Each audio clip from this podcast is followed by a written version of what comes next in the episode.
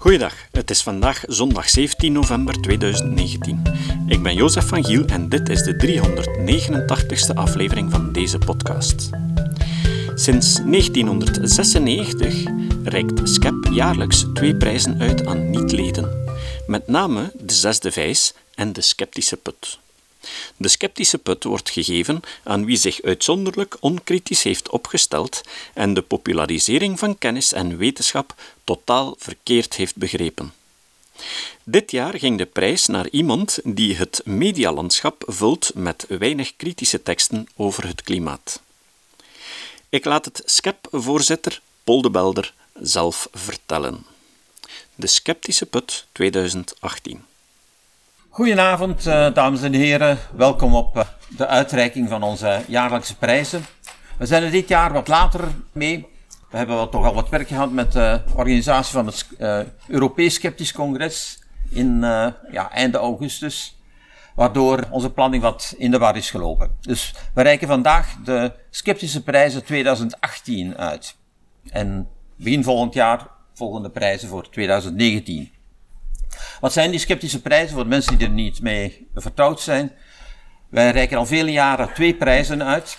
De zesde vijs, verwijzend naar de Vlaamse uitdrukking van uh, vijf vijzen, of uw vijs zit, zit een beetje los.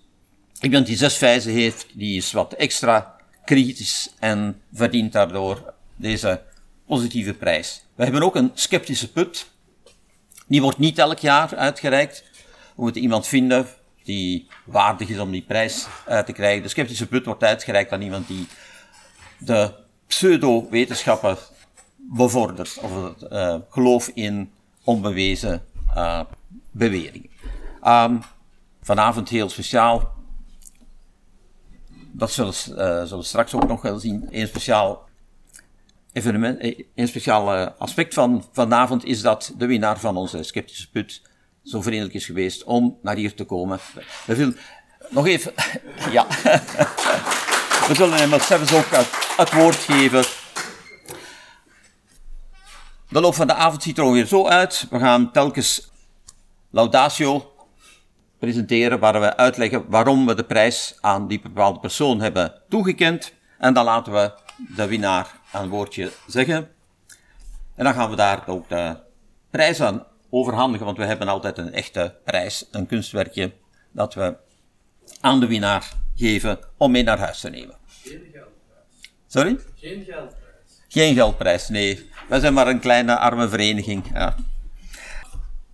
Na de sceptische put gaat Tyson een kleine act presenteren. Ik, ga, ik weet niet wat hij gaat doen en ik ga er ook. Maar dat gaat hij er straks wel laten zien. Daarna volgt de laudatio voor de zesde vijs, gevolgd door acceptatiespeech van de vertegenwoordiging van die vereniging. En we hebben dan gevraagd, hè, we zijn hier in de lokalen van Rode Kruis Vlaanderen, we hebben gevraagd aan iemand van het Rode Kruis om een presentatie te geven over het werk dat ze doen rond de Cochrane collaboratie voor de eerste hulp, onderzoek naar hoe effectieve eerste hulp. Die wordt hier eh, door het Rode Kruis gerund en daar gaan we meer over leren achteraf. En dan nodigen we u uit voor een glaasje. Laten we beginnen met de laudatio voor de winnaar van de Sceptische Put 2018. Ik zit zelf niet in de jury, de jury heeft mij gevraagd om de laudatio uit te spreken. Dames en heren. Sorry? van de jury? Wel, het is de vereniging die de prijs uitreikt. Dames en heren, beste sceptici en gasten. Regelmatig zijn er nog mensen die de wetenschappelijke bevindingen over klimaatverandering in vraag stellen of ronduit tegenspreken. Deze mensen worden vaak klimaatskeptici of ja, met een K of een C genoemd. Vermis wij binnen SCEP onszelf sceptici noemen, is het de vraag of ze iets met ons gemeen hebben. In het algemeen zou ik zeggen nee. Wij sceptici stellen kritische vragen over beweringen die volgens de huidige stand van de wetenschappelijke kennis zeer onwaarschijnlijk of onmogelijk zijn. De zogenaamde klimaatskeptici gaan de andere richting uit en kanden zich tegen een opvatting die gebaseerd is op wetenschappelijke kennis. Daarmee zitten we meteen bij de kern van de zaak. De aanwijzingen dat het klimaat aan het veranderen is, dat daar een menselijke oorzaak aan ligt en dat de gevolgen daarvan zeer ernstig kunnen zijn, stapelden zich de jongste decennia op, volgens de experts, de klimatologen. Onder die klimatologen is dan ook een consensus gegroeid en het is op zulke consensus dat de wetenschap steunt.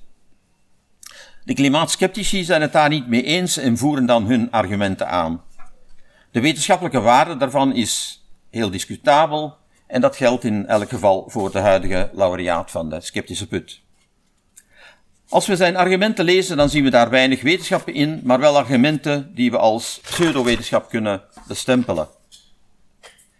We vinden dan ook dat de term klimaatskepticus hier niet bij past. Kunnen we dan van klimaatontkenner spreken? De betrokkenen wil dat blijkbaar niet. Een betere term zou misschien zijn klimaattegenspreker, of nog beter klimaattegendraadse. Ik denk dat je daar wel in kan vinden. Zijn optreden bestaat immers vooral uit het in vraag stellen of tegenspreken van de beweringen van anderen.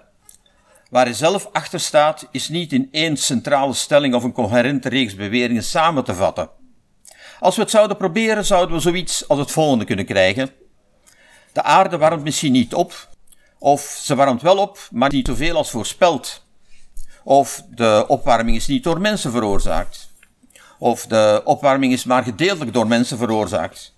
Of hoe dan ook zullen de gevolgen van de opwarming niet zo erg zijn. Of we weten niet hoe erg de gevolgen zullen zijn. Of de gevolgen zijn misschien heilzaam. En in elk geval deugen de alternatieven niet, want die zijn even slecht voor het klimaat.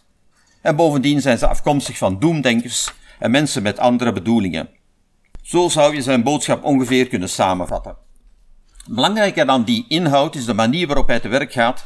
Zoals gezegd kom je maar weinig wetenschap tegen in zijn teksten en zeker geen klimatologie. Zelfs het woord broeikaseffect komt weinig in zijn teksten voor. Laat staan ingewikkeldere termen als stralingsvermogen of albedo. Wat hij dan wel doet is bijzaken bekritiseren. Zo schreef hij deze zomer in een tweet Volgens de satellieten is juli 2019 niet de warmste maand ooit.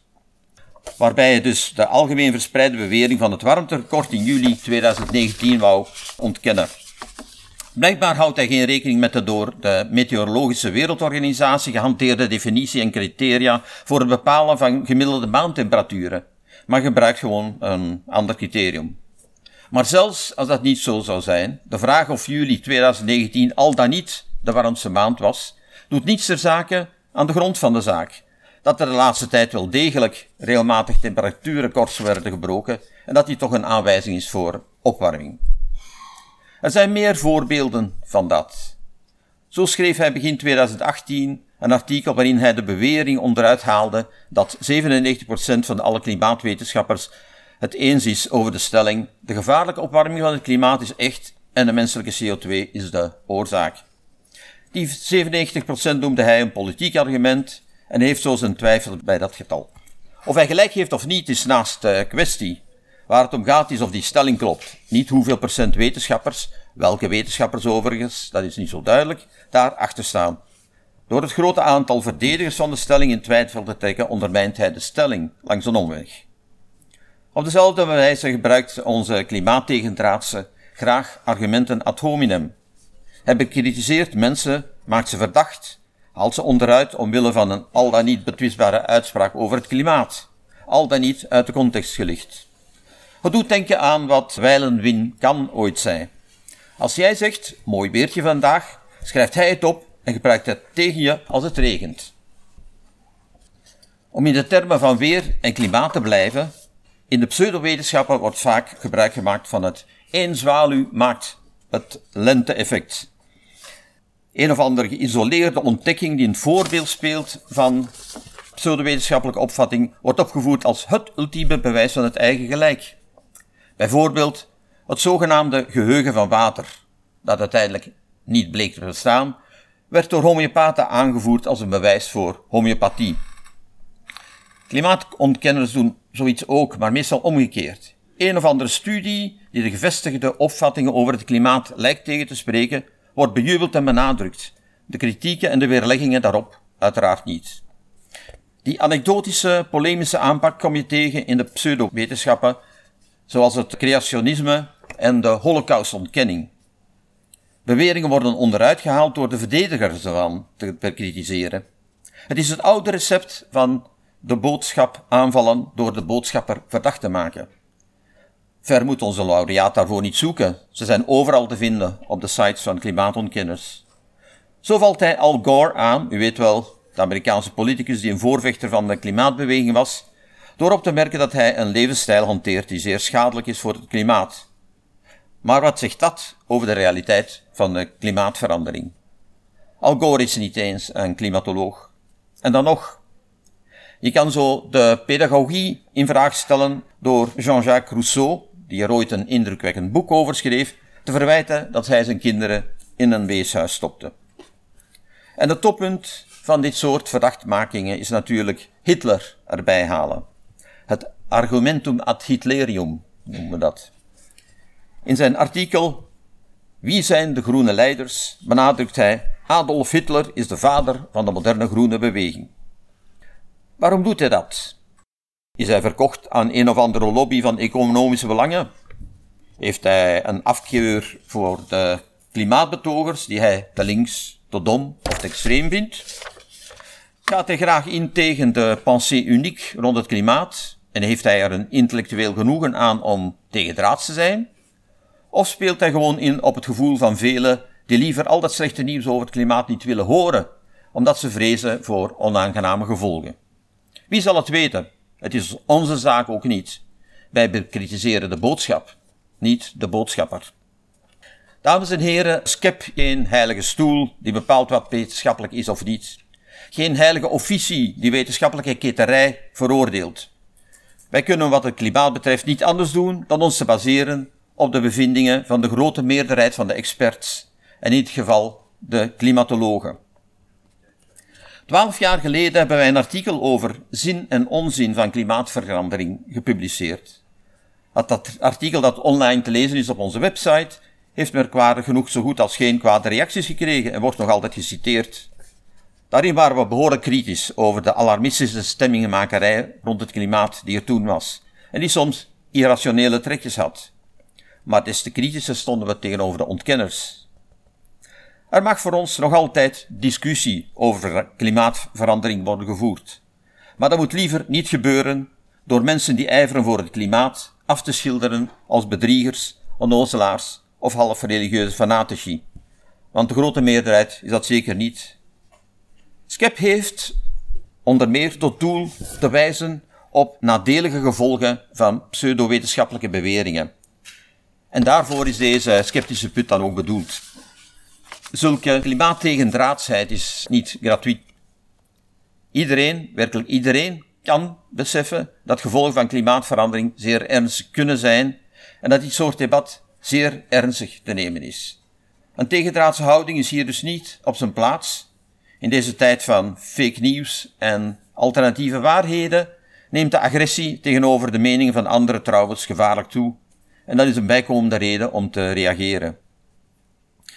De sceptische put is een blaam en tegelijk een aanmoediging aan de betrokkenen om het anders te doen. Om mensen die ijveren voor het klimaat niet af te schilderen als bedriegers, onnozelaars of fanatici. Om niet voortdurend twijfel te zalen met argumenten die eigenlijk niet de zaken zijn. Om zich te beperken tot de kern van de zaak, de wetenschap. En om Wittgenstein te parafraseren, als men daar niets over kan zeggen, te zwijgen. Kritiek moet mogelijk blijven, maar dat het dan gaat over de grond van de zaak en niet om verwijten en verdachtmakingen. Stop dus die polemische toon en werk op een positieve manier mee aan een zaak die de hele mensheid aangaat. En daarom heeft de commissie van de Sceptische Prijzen beslist om de Sceptische Put 2018 toe te kennen aan Jan Jacobs voor klimaattegendraadse publicaties.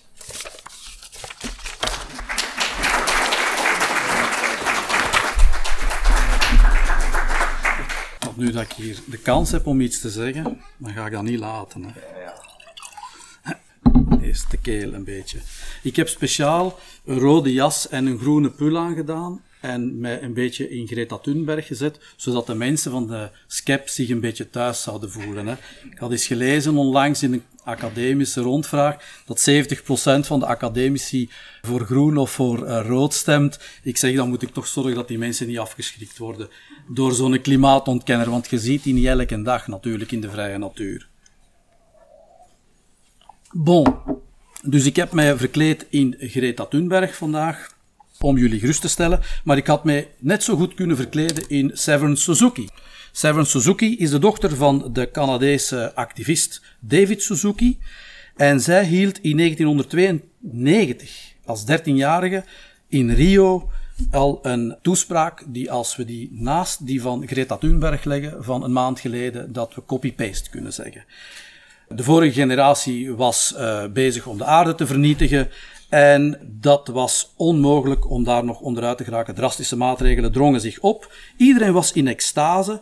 En vooral de papa, want die is er miljonair mee geworden ondertussen. Dus voor hem had klimaatopwarming alleszins al een heel positief effect. Hij, is, hij zit er warm in, in dat koude Canada, waar recent nog koude records zijn gebroken zelfs. Maar dat is weer natuurlijk, was het nu een warmterecord dat gebroken was, dan was het klimaat. Hè. Daar moeten we wel duidelijk over zijn. Een kleine anekdote nog, is natuurlijk toen ik die pruik ging kopen, gisteren in zo'n festivalshop. Toen vroeg ik aan de mensen, ik moet zo'n pruik hebben om Greta Thunberg persiflage doen. En al die mensen in die winkel, die werden gek. Die zeiden, die Greta Thunberg, die willen we niet. Dat vinden we verschrikkelijk. Dat klimaatspijbelen, die Anuna de Wever, dat vinden ze allemaal erg. Dat is de Vox Populi. Maar blijkbaar zijn veel mensen daar nog niet toegekomen. Bon, we beginnen nu aan de toespraak. Een beetje The Roast is het vandaag. Kennen jullie The Roast, dat programma? Nee, waarin bekende Amerikanen andere Amerikanen mogen afzeiken en dan mogen die op laatst eens iets terugzeggen. Dus ik mag nu ook iets terugzeggen eigenlijk. Hè.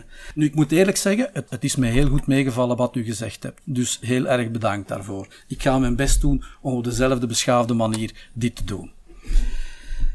Dus allereerst wens ik, behalve het anonieme petit comité dat in zijn oneindige wijsheid deze prijs toekende, ook wetenschappelijke grootheid en tevens SCEP-erelid Jean Meus te bedanken. Hij is wellicht het meest befaamde erelid van SCEP, een man die ontegensprekelijk heeft bijgedragen aan het vergroten van de som van alle kennis die de mensheid heden bezit. Met een beetje geluk kunnen de commissieleden samen ooit misschien dergelijke wetenschappelijke bijdrage leveren maar gezien deze prijs vandaag lijkt me dat toch eerder twijfelachtig te zijn. Wat verbazingwekkend is, is dat het immers Cap-eerlid Jean Meus was die me met zijn interview op jullie website van 8 mei 2009 op het juiste spoor heeft gezet.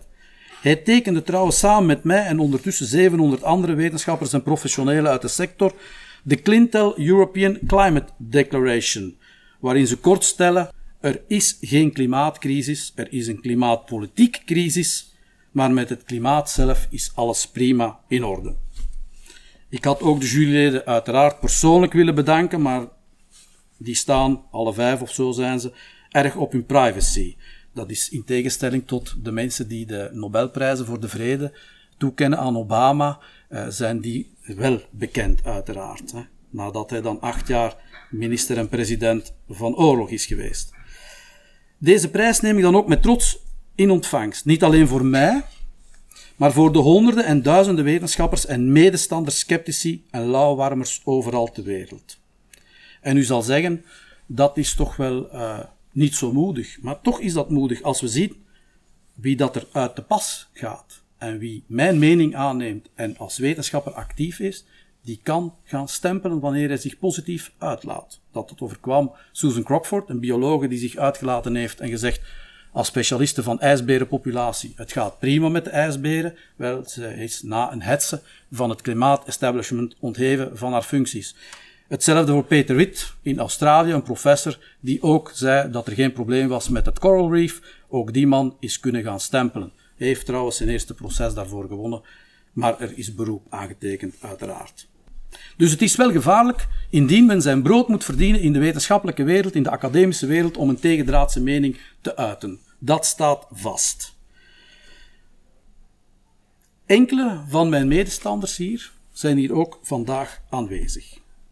En Het is eigenlijk een prijs van ons allemaal. Want soms denkt men, we geven die prijs aan Jan Jacobs, maar men vergeet daar eigenlijk bij te stellen. Men denkt dat ik alleen sta, maar dat is niet zo. Ik laat die zaken lezen en wij overleggen samen met mensen. Zoals daar zijn vandaag Ferdinand Engelbeen, chemisch ingenieur, die ooit een voordracht gaf voor SCEP over chloor, als ik me niet vergis. Johan Branders, burgerlijk ingenieur, Ferdinand Meus, dokter in de wetenschapper en IPCC-reviewer. En lid van SCEP. Jeff Ongena, ik weet niet of dat hem al hier is, hij ging toch komen.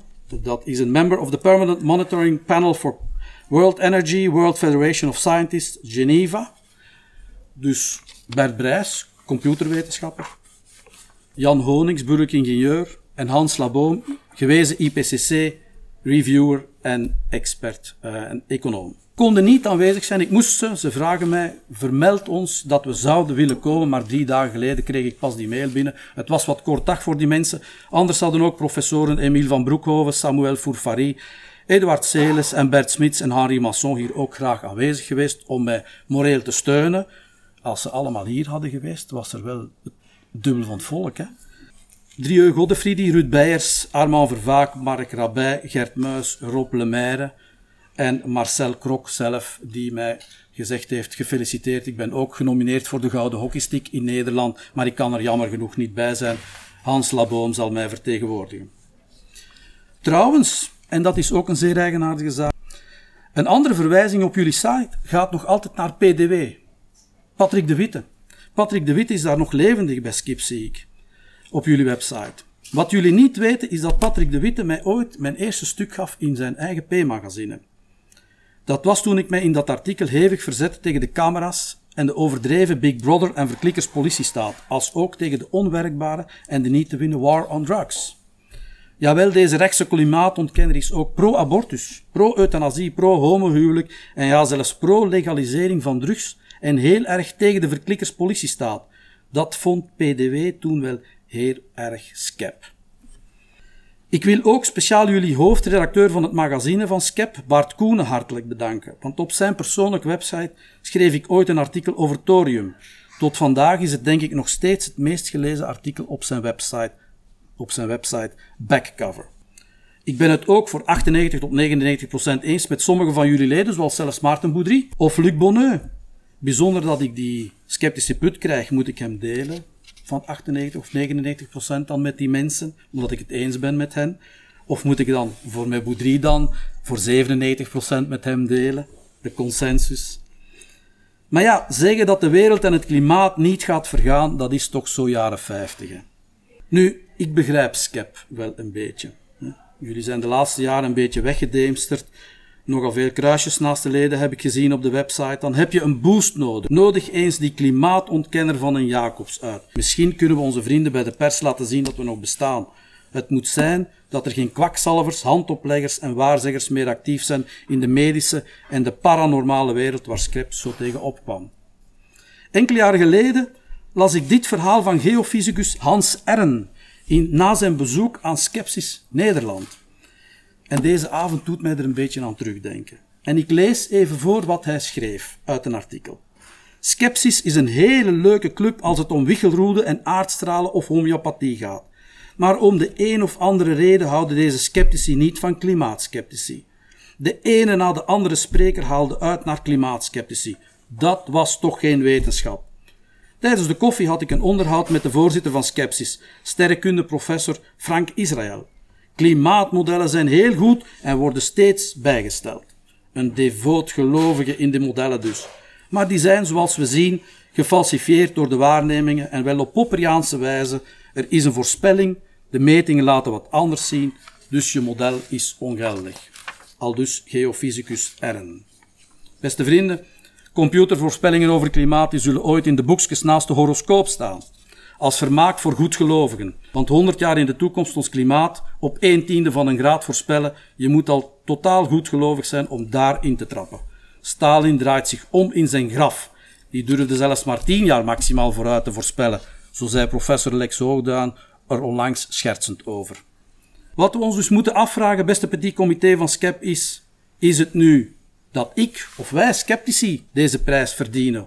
Of is het een prijs die ons Is het een roep naar aandacht van SCEP op de kosten van klimaatskeptici om hun loyaliteit aan de klimaatkerk te betonen? Dat zou zomaar kunnen. Wie zal het zeggen? Wat staat er op jullie website? Vrij van religieuze politieke opvattingen onderzoekt SCEP, de studiekring voor kritische evaluatie van pseudowetenschap en het paranormale. Zij onderzoeken de beweringen en verschijnselen die volgens hun de stand van de wetenschap bijzonder onwaarschijnlijk of onmogelijk zijn. Hoe bijzonder is dat? In tijden waarin onze media wekelijks figuren zoals Otman Helamouchi, Abu Jaja en Yasmin Nassiri vrijheid, vrij uit hun geloof in een fictief wezen, het bestaan van de hel, de creatie van de mens door dat fictieve wezen en een profeet die op een vliegend paard rondvloog mogen beleiden in de pers. Maar een klimaatskepticus die amper tien artikels over klimaat per jaar schrijft en nooit in de gevestigde media komt, is dus blijkbaar nog erger. Dat een figuurtje zoals Danila Hermans met een brede waaier aan persaandacht kan krijgen, omdat iemand die negerinnentetten zegt, in plaats van mellowcakes in haar ogen meteen een kernracist met fout koloniaal verleden is, maar een klimaatskepticus die amper tien artikels over klimaat schrijft per jaar, nooit in de gevestigde media komt, is dus blijkbaar nog erger dat een beweging zoals Extinction Rebellion, die onze kinderen dagelijks angst aanjagen voor de klimaattoekomst en die openlijk stellen via hun voorzitter Roger Hallam dat we deze eeuw nog 6 miljard doden krijgen door klimaatverandering, maar een klimaatskepticus die amper 10 artikels schrijft per jaar, die is erger. Laten we dus elkaar geen Liesbeth noemen. De bedoeling van deze prijs is de tegenstander monddood maken. Had het niet veel en veel moediger geweest van SCEP om een debat te organiseren onder hun 900 betalende leden? En daarna een rondvraag te doen. Op de avond zelf. Jan-Jan Bon riep er in Humo nog toe op deze week. Maar de rapen waren weer gaar natuurlijk. Elke reden valt dan weg bij iedereen die roept: The debate is over, the science is settled. Wie de waarheid in pacht heeft en het perfecte recept heeft voor de perfecte wereld, die heeft inderdaad geen debat nodig. Het doel van het debat moet immers zijn nooit de overwinning, maar wel vooruitgang. Vandaar dat SCEP zich op glad ijs begeeft met de uitreiking van deze prijs aan de klimaatskeptici. Het echte gevaar in het monddood maken van een andere mening is dat daarmee de mensen, zowel de huidige als toekomstige generaties, groot onrecht wordt aangedaan. Diegenen die de zogenaamde consensus afvallen, de sceptici dus, zijn daardoor meer getroffen dan diegenen die mordicus het klimaatalarmisme verdedigen, in dit geval SCEP. Als de sceptici gelijk hebben, zijn ze ten onrecht in het verdomhoekje gezet. Als ze toch ongelijk zouden hebben, verliezen ze een nog groter goed. De mogelijkheid namelijk om hun inzichten bij te schaven nadat deze in een echt open debat naar voren zouden komen. Is het geen teken van zwakte dat de alarmistische beweging het debat steeds afwijst? Zijn de argumenten zo zwak dat een open debat te vermijden is en sceptici nooit aan bod mogen komen. Willen jullie echt dat risico nemen op zoveel reputatieschade in de toekomst? Toen ik vier jaar geleden voor Doorbraak begon te schrijven en drie jaar geleden mijn artikel Aarde weigert halstarrig gevaarlijk op te warmen, tot spijt van wie het benijdt reeds honderdduizend maal gelezen ondertussen, toen ik dat schreef, is het schelden sindsdien, het neerbuigen, het denigreren, het spotten van de zelfverklaarde consensus-elite niet meer gestopt. Met als hoogtepunt vandaag eigenlijk deze prijsuitreiking. Het resultaat is dat er nu op doorbraak niet alleen veel meer lezers zijn, we stegen van 400.000 unieke bezoekers per jaar naar anderhalf miljoen, en er dienen zich tal van andere auteurs aan die dezelfde sceptische kijk hebben op het energie- en klimaatvraagstuk. Burgerlijk ingenieur Rob Lemaire, Ferdinand Meus, IPCC-reviewer, dokter Meus moet ik zeggen, dokter in de wetenschappen, Emiel van Broekhoven, professor Oxford, Luc Nijs, ook een professor, Luc Nagels, professor emeritaat in chemie, Drieu Godefriedi, Samuel Fourfari, een ULB-professor in energie en specialist. Vandaag is het zelfs zo dat alleen bij doorbraak de beide meningen aan bod komen, want Johan Sanctoren, Bart Janssens en Steven van den Borden schrijven een andere zijde van het verhaal. Laat de lezer beslissen wat hij ervan denkt. Eerder een houding waarvan je zou denken dat is iets voor skep. Maar blijkbaar is de diverse mening en de academische vrijheid niet zo belangrijk meer voor deze vereniging. Doemdenken, beste mensen, dat is van alle tijden. En je hebt ook alle tijden mensen die zich er tegen verzetten. Gekken, zoals ik, blijkbaar. En Stuart Mill John Stuart Mill merkte dat al op 200 jaar geleden. En hij zei daar iets moois over. Ik ga het voorlezen in het Engels, in zijn eigen taal. Het klinkt altijd beter dan dat je het vertaalt. I have observed that not the man that hopes when others despair, but the man that despairs when others hope, is regarded by a large class of persons as a sage. Ik begrijp dat de mensen van Skep graag als wijzen door het leven willen gaan, wanneer dat we het nog nooit zo goed hebben gehad als vandaag. Ik ben geen wetenschapper. Ik wil mij op geen enkele manier vergelijken met academici. Maar ik voel mij vandaag qua gevoel verbonden met talrijke wetenschappers die in het verleden door hun consensuscollega's werden weggezet als gevaarlijke gekken en hopeloze gevallen. Ja, we kunnen daar oude voorbeelden van opzommen, van Copernicus tot Semmelweis en Mendel. En je zou denken dat dit na al die eeuwen van academische vooruitgang en evolutie nu wel zijn beste tijd gehad heeft. Niets is minder waar. Recente voorbeelden zijn Daniel Schechtman, Nobelprijs 2011 voor de ontdekking van quasikristallen. Zelf werd hij jarenlang uitgestoten en geridiculiseerd door andere wetenschappers die de consensus verdedigden van Linus Paulus. Linus Paulus die tot aan zijn dood de man beledigde als quasi-wetenschapper. Slechtman verklaarde daar ooit over dat hij op den duur wel heel erg grappig begon te vinden. Dat onophoudelijke denigrerende kritiek. Hij wist immers dat hij gelijk had. Ook Nobelprijswinnaar Barry Marshall in 2005, die zichzelf maagsfeer toegaf om te bewijzen dat hij gelijk had. Of wat te denken van Allison, de Nobelprijswinnaar van 2018, die gans zijn carrière geridiculiseerd werd voor immunotherapie. Consensusgroepsdenken, het doet wat met een mens. Ook de pers kent dat geval, met bijvoorbeeld David Walsh, die jarenlang door zijn collega's met de nek werd aangekeken in zijn kruistocht tegen bedrieger Armstrong, tot hij gelijk kreeg. Maar blijkbaar trekken sommigen geen lering uit de geschiedenis. En wat betreft het klimaatdossier, beste mensen hier aanwezig, zal ik een voorspelling doen. Na vorige week schaarde zich ook de huidige IPCC-ondervoorzitter Valérie Masson-Delmotte zich achter de kritiek van Steve McIntyre op de frauduleuze hockeystick van Michael Mann, de man die de middeleeuwse warme periode wou uitwissen. Het is dus een kwestie van tijd voor het hele klimaatconsensuskaartenhuis in elkaar stuikt. Het sluit merkwaardig genoeg ook aan bij wat ik een paar weken geleden nog gehoord heb van André Berger. Misschien kennen sommige mensen hem niet, maar hij is een befaamd klimaatwetenschapper in België. En absoluut geen klimaatskepticus. Een paar weken geleden hoorde ik hem in een parlementair symposium nog zeggen opmerkelijke dingen. Hernieuwbare energie is een droom, het zal nooit werken, het is fantasie. En hij zit veel liever samen met klimaatskeptici dan met klimaatalarmisten. En tot slot gaf hij daar Magda Aalvoet een veeg uit de pan, omdat deze groenen in zijn ogen althans misbruik maken van het IPCC en dit vooral misbruiken om hun eigen ideologie te pushen. Maar er is dus hoop op voortschrijdend inzicht bij dit comité, want men kan hier van sceptische put evolueren naar die vijs en terug. Dus ik reken op voortschrijdend inzicht bij de mensen van het comité. En tot slot, ik ga jullie niet te lang meer vervelen, tot slot wil ik toch een quote aanhalen van Atte Korolla, professor Environmental Change in Helsinki. Hij verklaarde dat naar aanleiding van een boek over McIntyre die de hockeystick ontkrachtte. En hij was daar helemaal over te spreken. Hij was niet te spreken over de hetze die de klimaatwetenschappers uh, hielden tegen McIntyre. En hij zei daar het volgende over. When later generations learn about climate science, they will classify the beginning of the 21st century as an embarrassing chapter in the history of science. They will wonder about our time and use it as a warning of how the core values and criteria of science were allowed little by little to be forgotten, as the actual research topic of climate change turned into a political and social playground. Ik dank jullie voor jullie aandacht en ik zou met plezier mijn prijs willen ontvangen.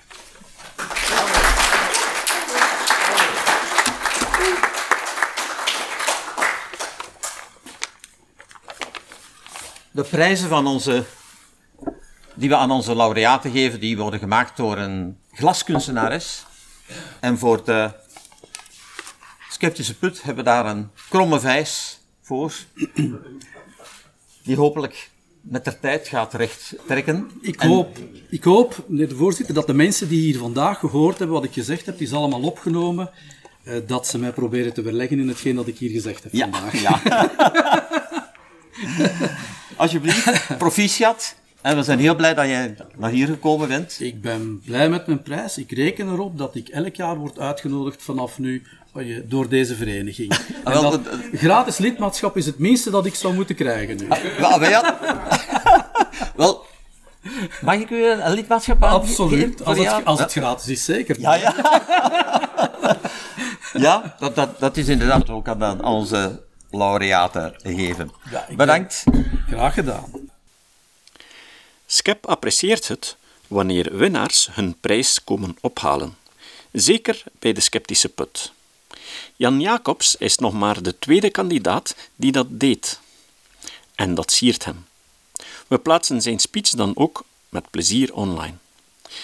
Dit weerlegt onmiddellijk ook zijn opmerking dat SCEP mensen als hem het zwijgen willen opleggen. Dat willen wij niet. Wij mogen wel met deze prijs aangeven dat hij ongelijk heeft. Ik ben nog steeds bezig met het schrijven van de reeks over klimaatverandering en ooit komt hij online. Ondertussen geef ik jullie wat korte weerwoord op de speech van Jan Jacobs. Als je een beetje zoekt naar Susan Crockford, waar hij het over heeft, dan stel je vast dat ze geld krijgt van Heartland Institute, een van de belangrijkste organisaties die twijfel zaait rond klimaatverandering. Ik heb vroeger al over Heartland gesproken. Het is een conservatieve denktank dat in het verleden onder andere ook betrokken was bij twijfelzaaien rond de schadelijkheid van tabak. Ze worden gesponsord door onder andere organisaties als Philip Morris, ExxonMobil en de gebroeders Koch. Dat betekent natuurlijk nog niet dat Crockford het fout heeft. Maar haar beweringen dat de ijsberen het goed doen, heeft ze nooit in een wetenschappelijk artikel gepubliceerd en ze staat nogal alleen met haar bewering. De wetenschappelijke eenzaten die Jan opsomt in zijn speech hebben allemaal op een bepaald ogenblik wel de bewijzen voor hun stelling op tafel gelegd. Crockford heeft daarover enkel blogs gevuld.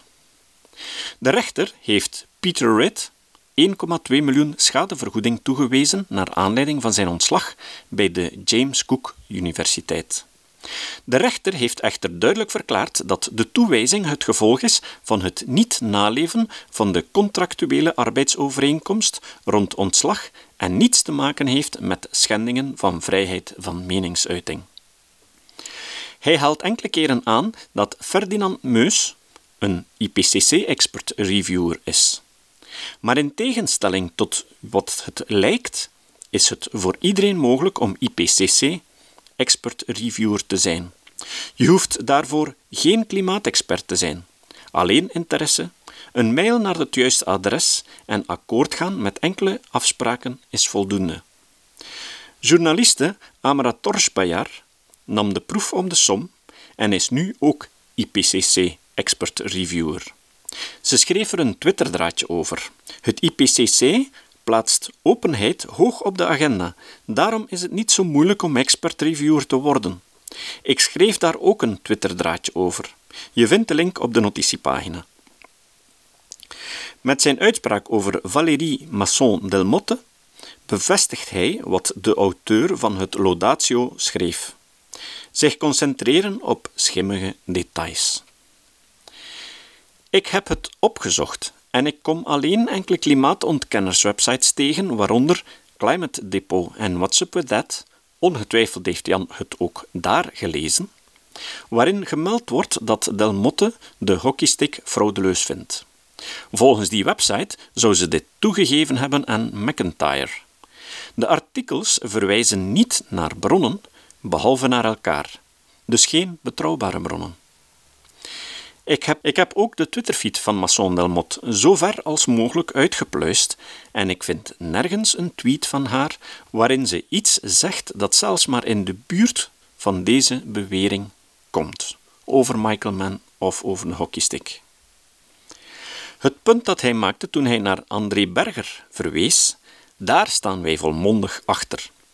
Het kwam al verschillende keren ter sprake in vroegere afleveringen van deze podcast.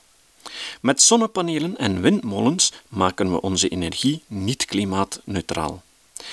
En dat de Groenen het IPC-rapport gekaapt hebben voor hun rode agenda, daar zijn we het ook mee eens. Ik heb ooit geschreven dat groen meer roze dan groen is. Hij heeft zeker een punt dat enkele extremistische klimaatpaniekgroepen ook de sceptische put verdienen. En zeker ook de groene partijen die kernenergie en gentechnologie verfoeien. Het citaat. Het citaat van vandaag komt van Hans Rosling. Rosling zei: En wat is de oplossing dan? Nou, dat is gemakkelijk. Iedereen die veel broeikasgassen uitstoot, moet daar zo snel mogelijk mee ophouden. We weten wie dat zijn. De mensen op level 4, die verreweg het hoogste niveau aan CO2-emissies hebben. Dus laten we het gewoon gaan doen. Level 4, dat zijn de rijkste mensen volgens een categorisering van Rosling zelf. Tot de volgende keer. Dit was de podcast Kritisch Denken. Vergeet niet om alles kritisch te behandelen, ook deze podcast. Voor verdere informatie over deze podcast, links en voor de tekst, surf naar www.kritischdenken.info. Als je deze podcast belangrijk vindt, kun je me steunen door anderen warm te maken ook eens te luisteren. Stuur een e-mail naar vrienden met een link naar de website en plaats de link in de handtekening van je e-mails. Tevens kun je op iTunes deze podcast een beoordeling geven of een recensie schrijven. Of je kan op je eigen website of blog een link naar kritisch denken plaatsen.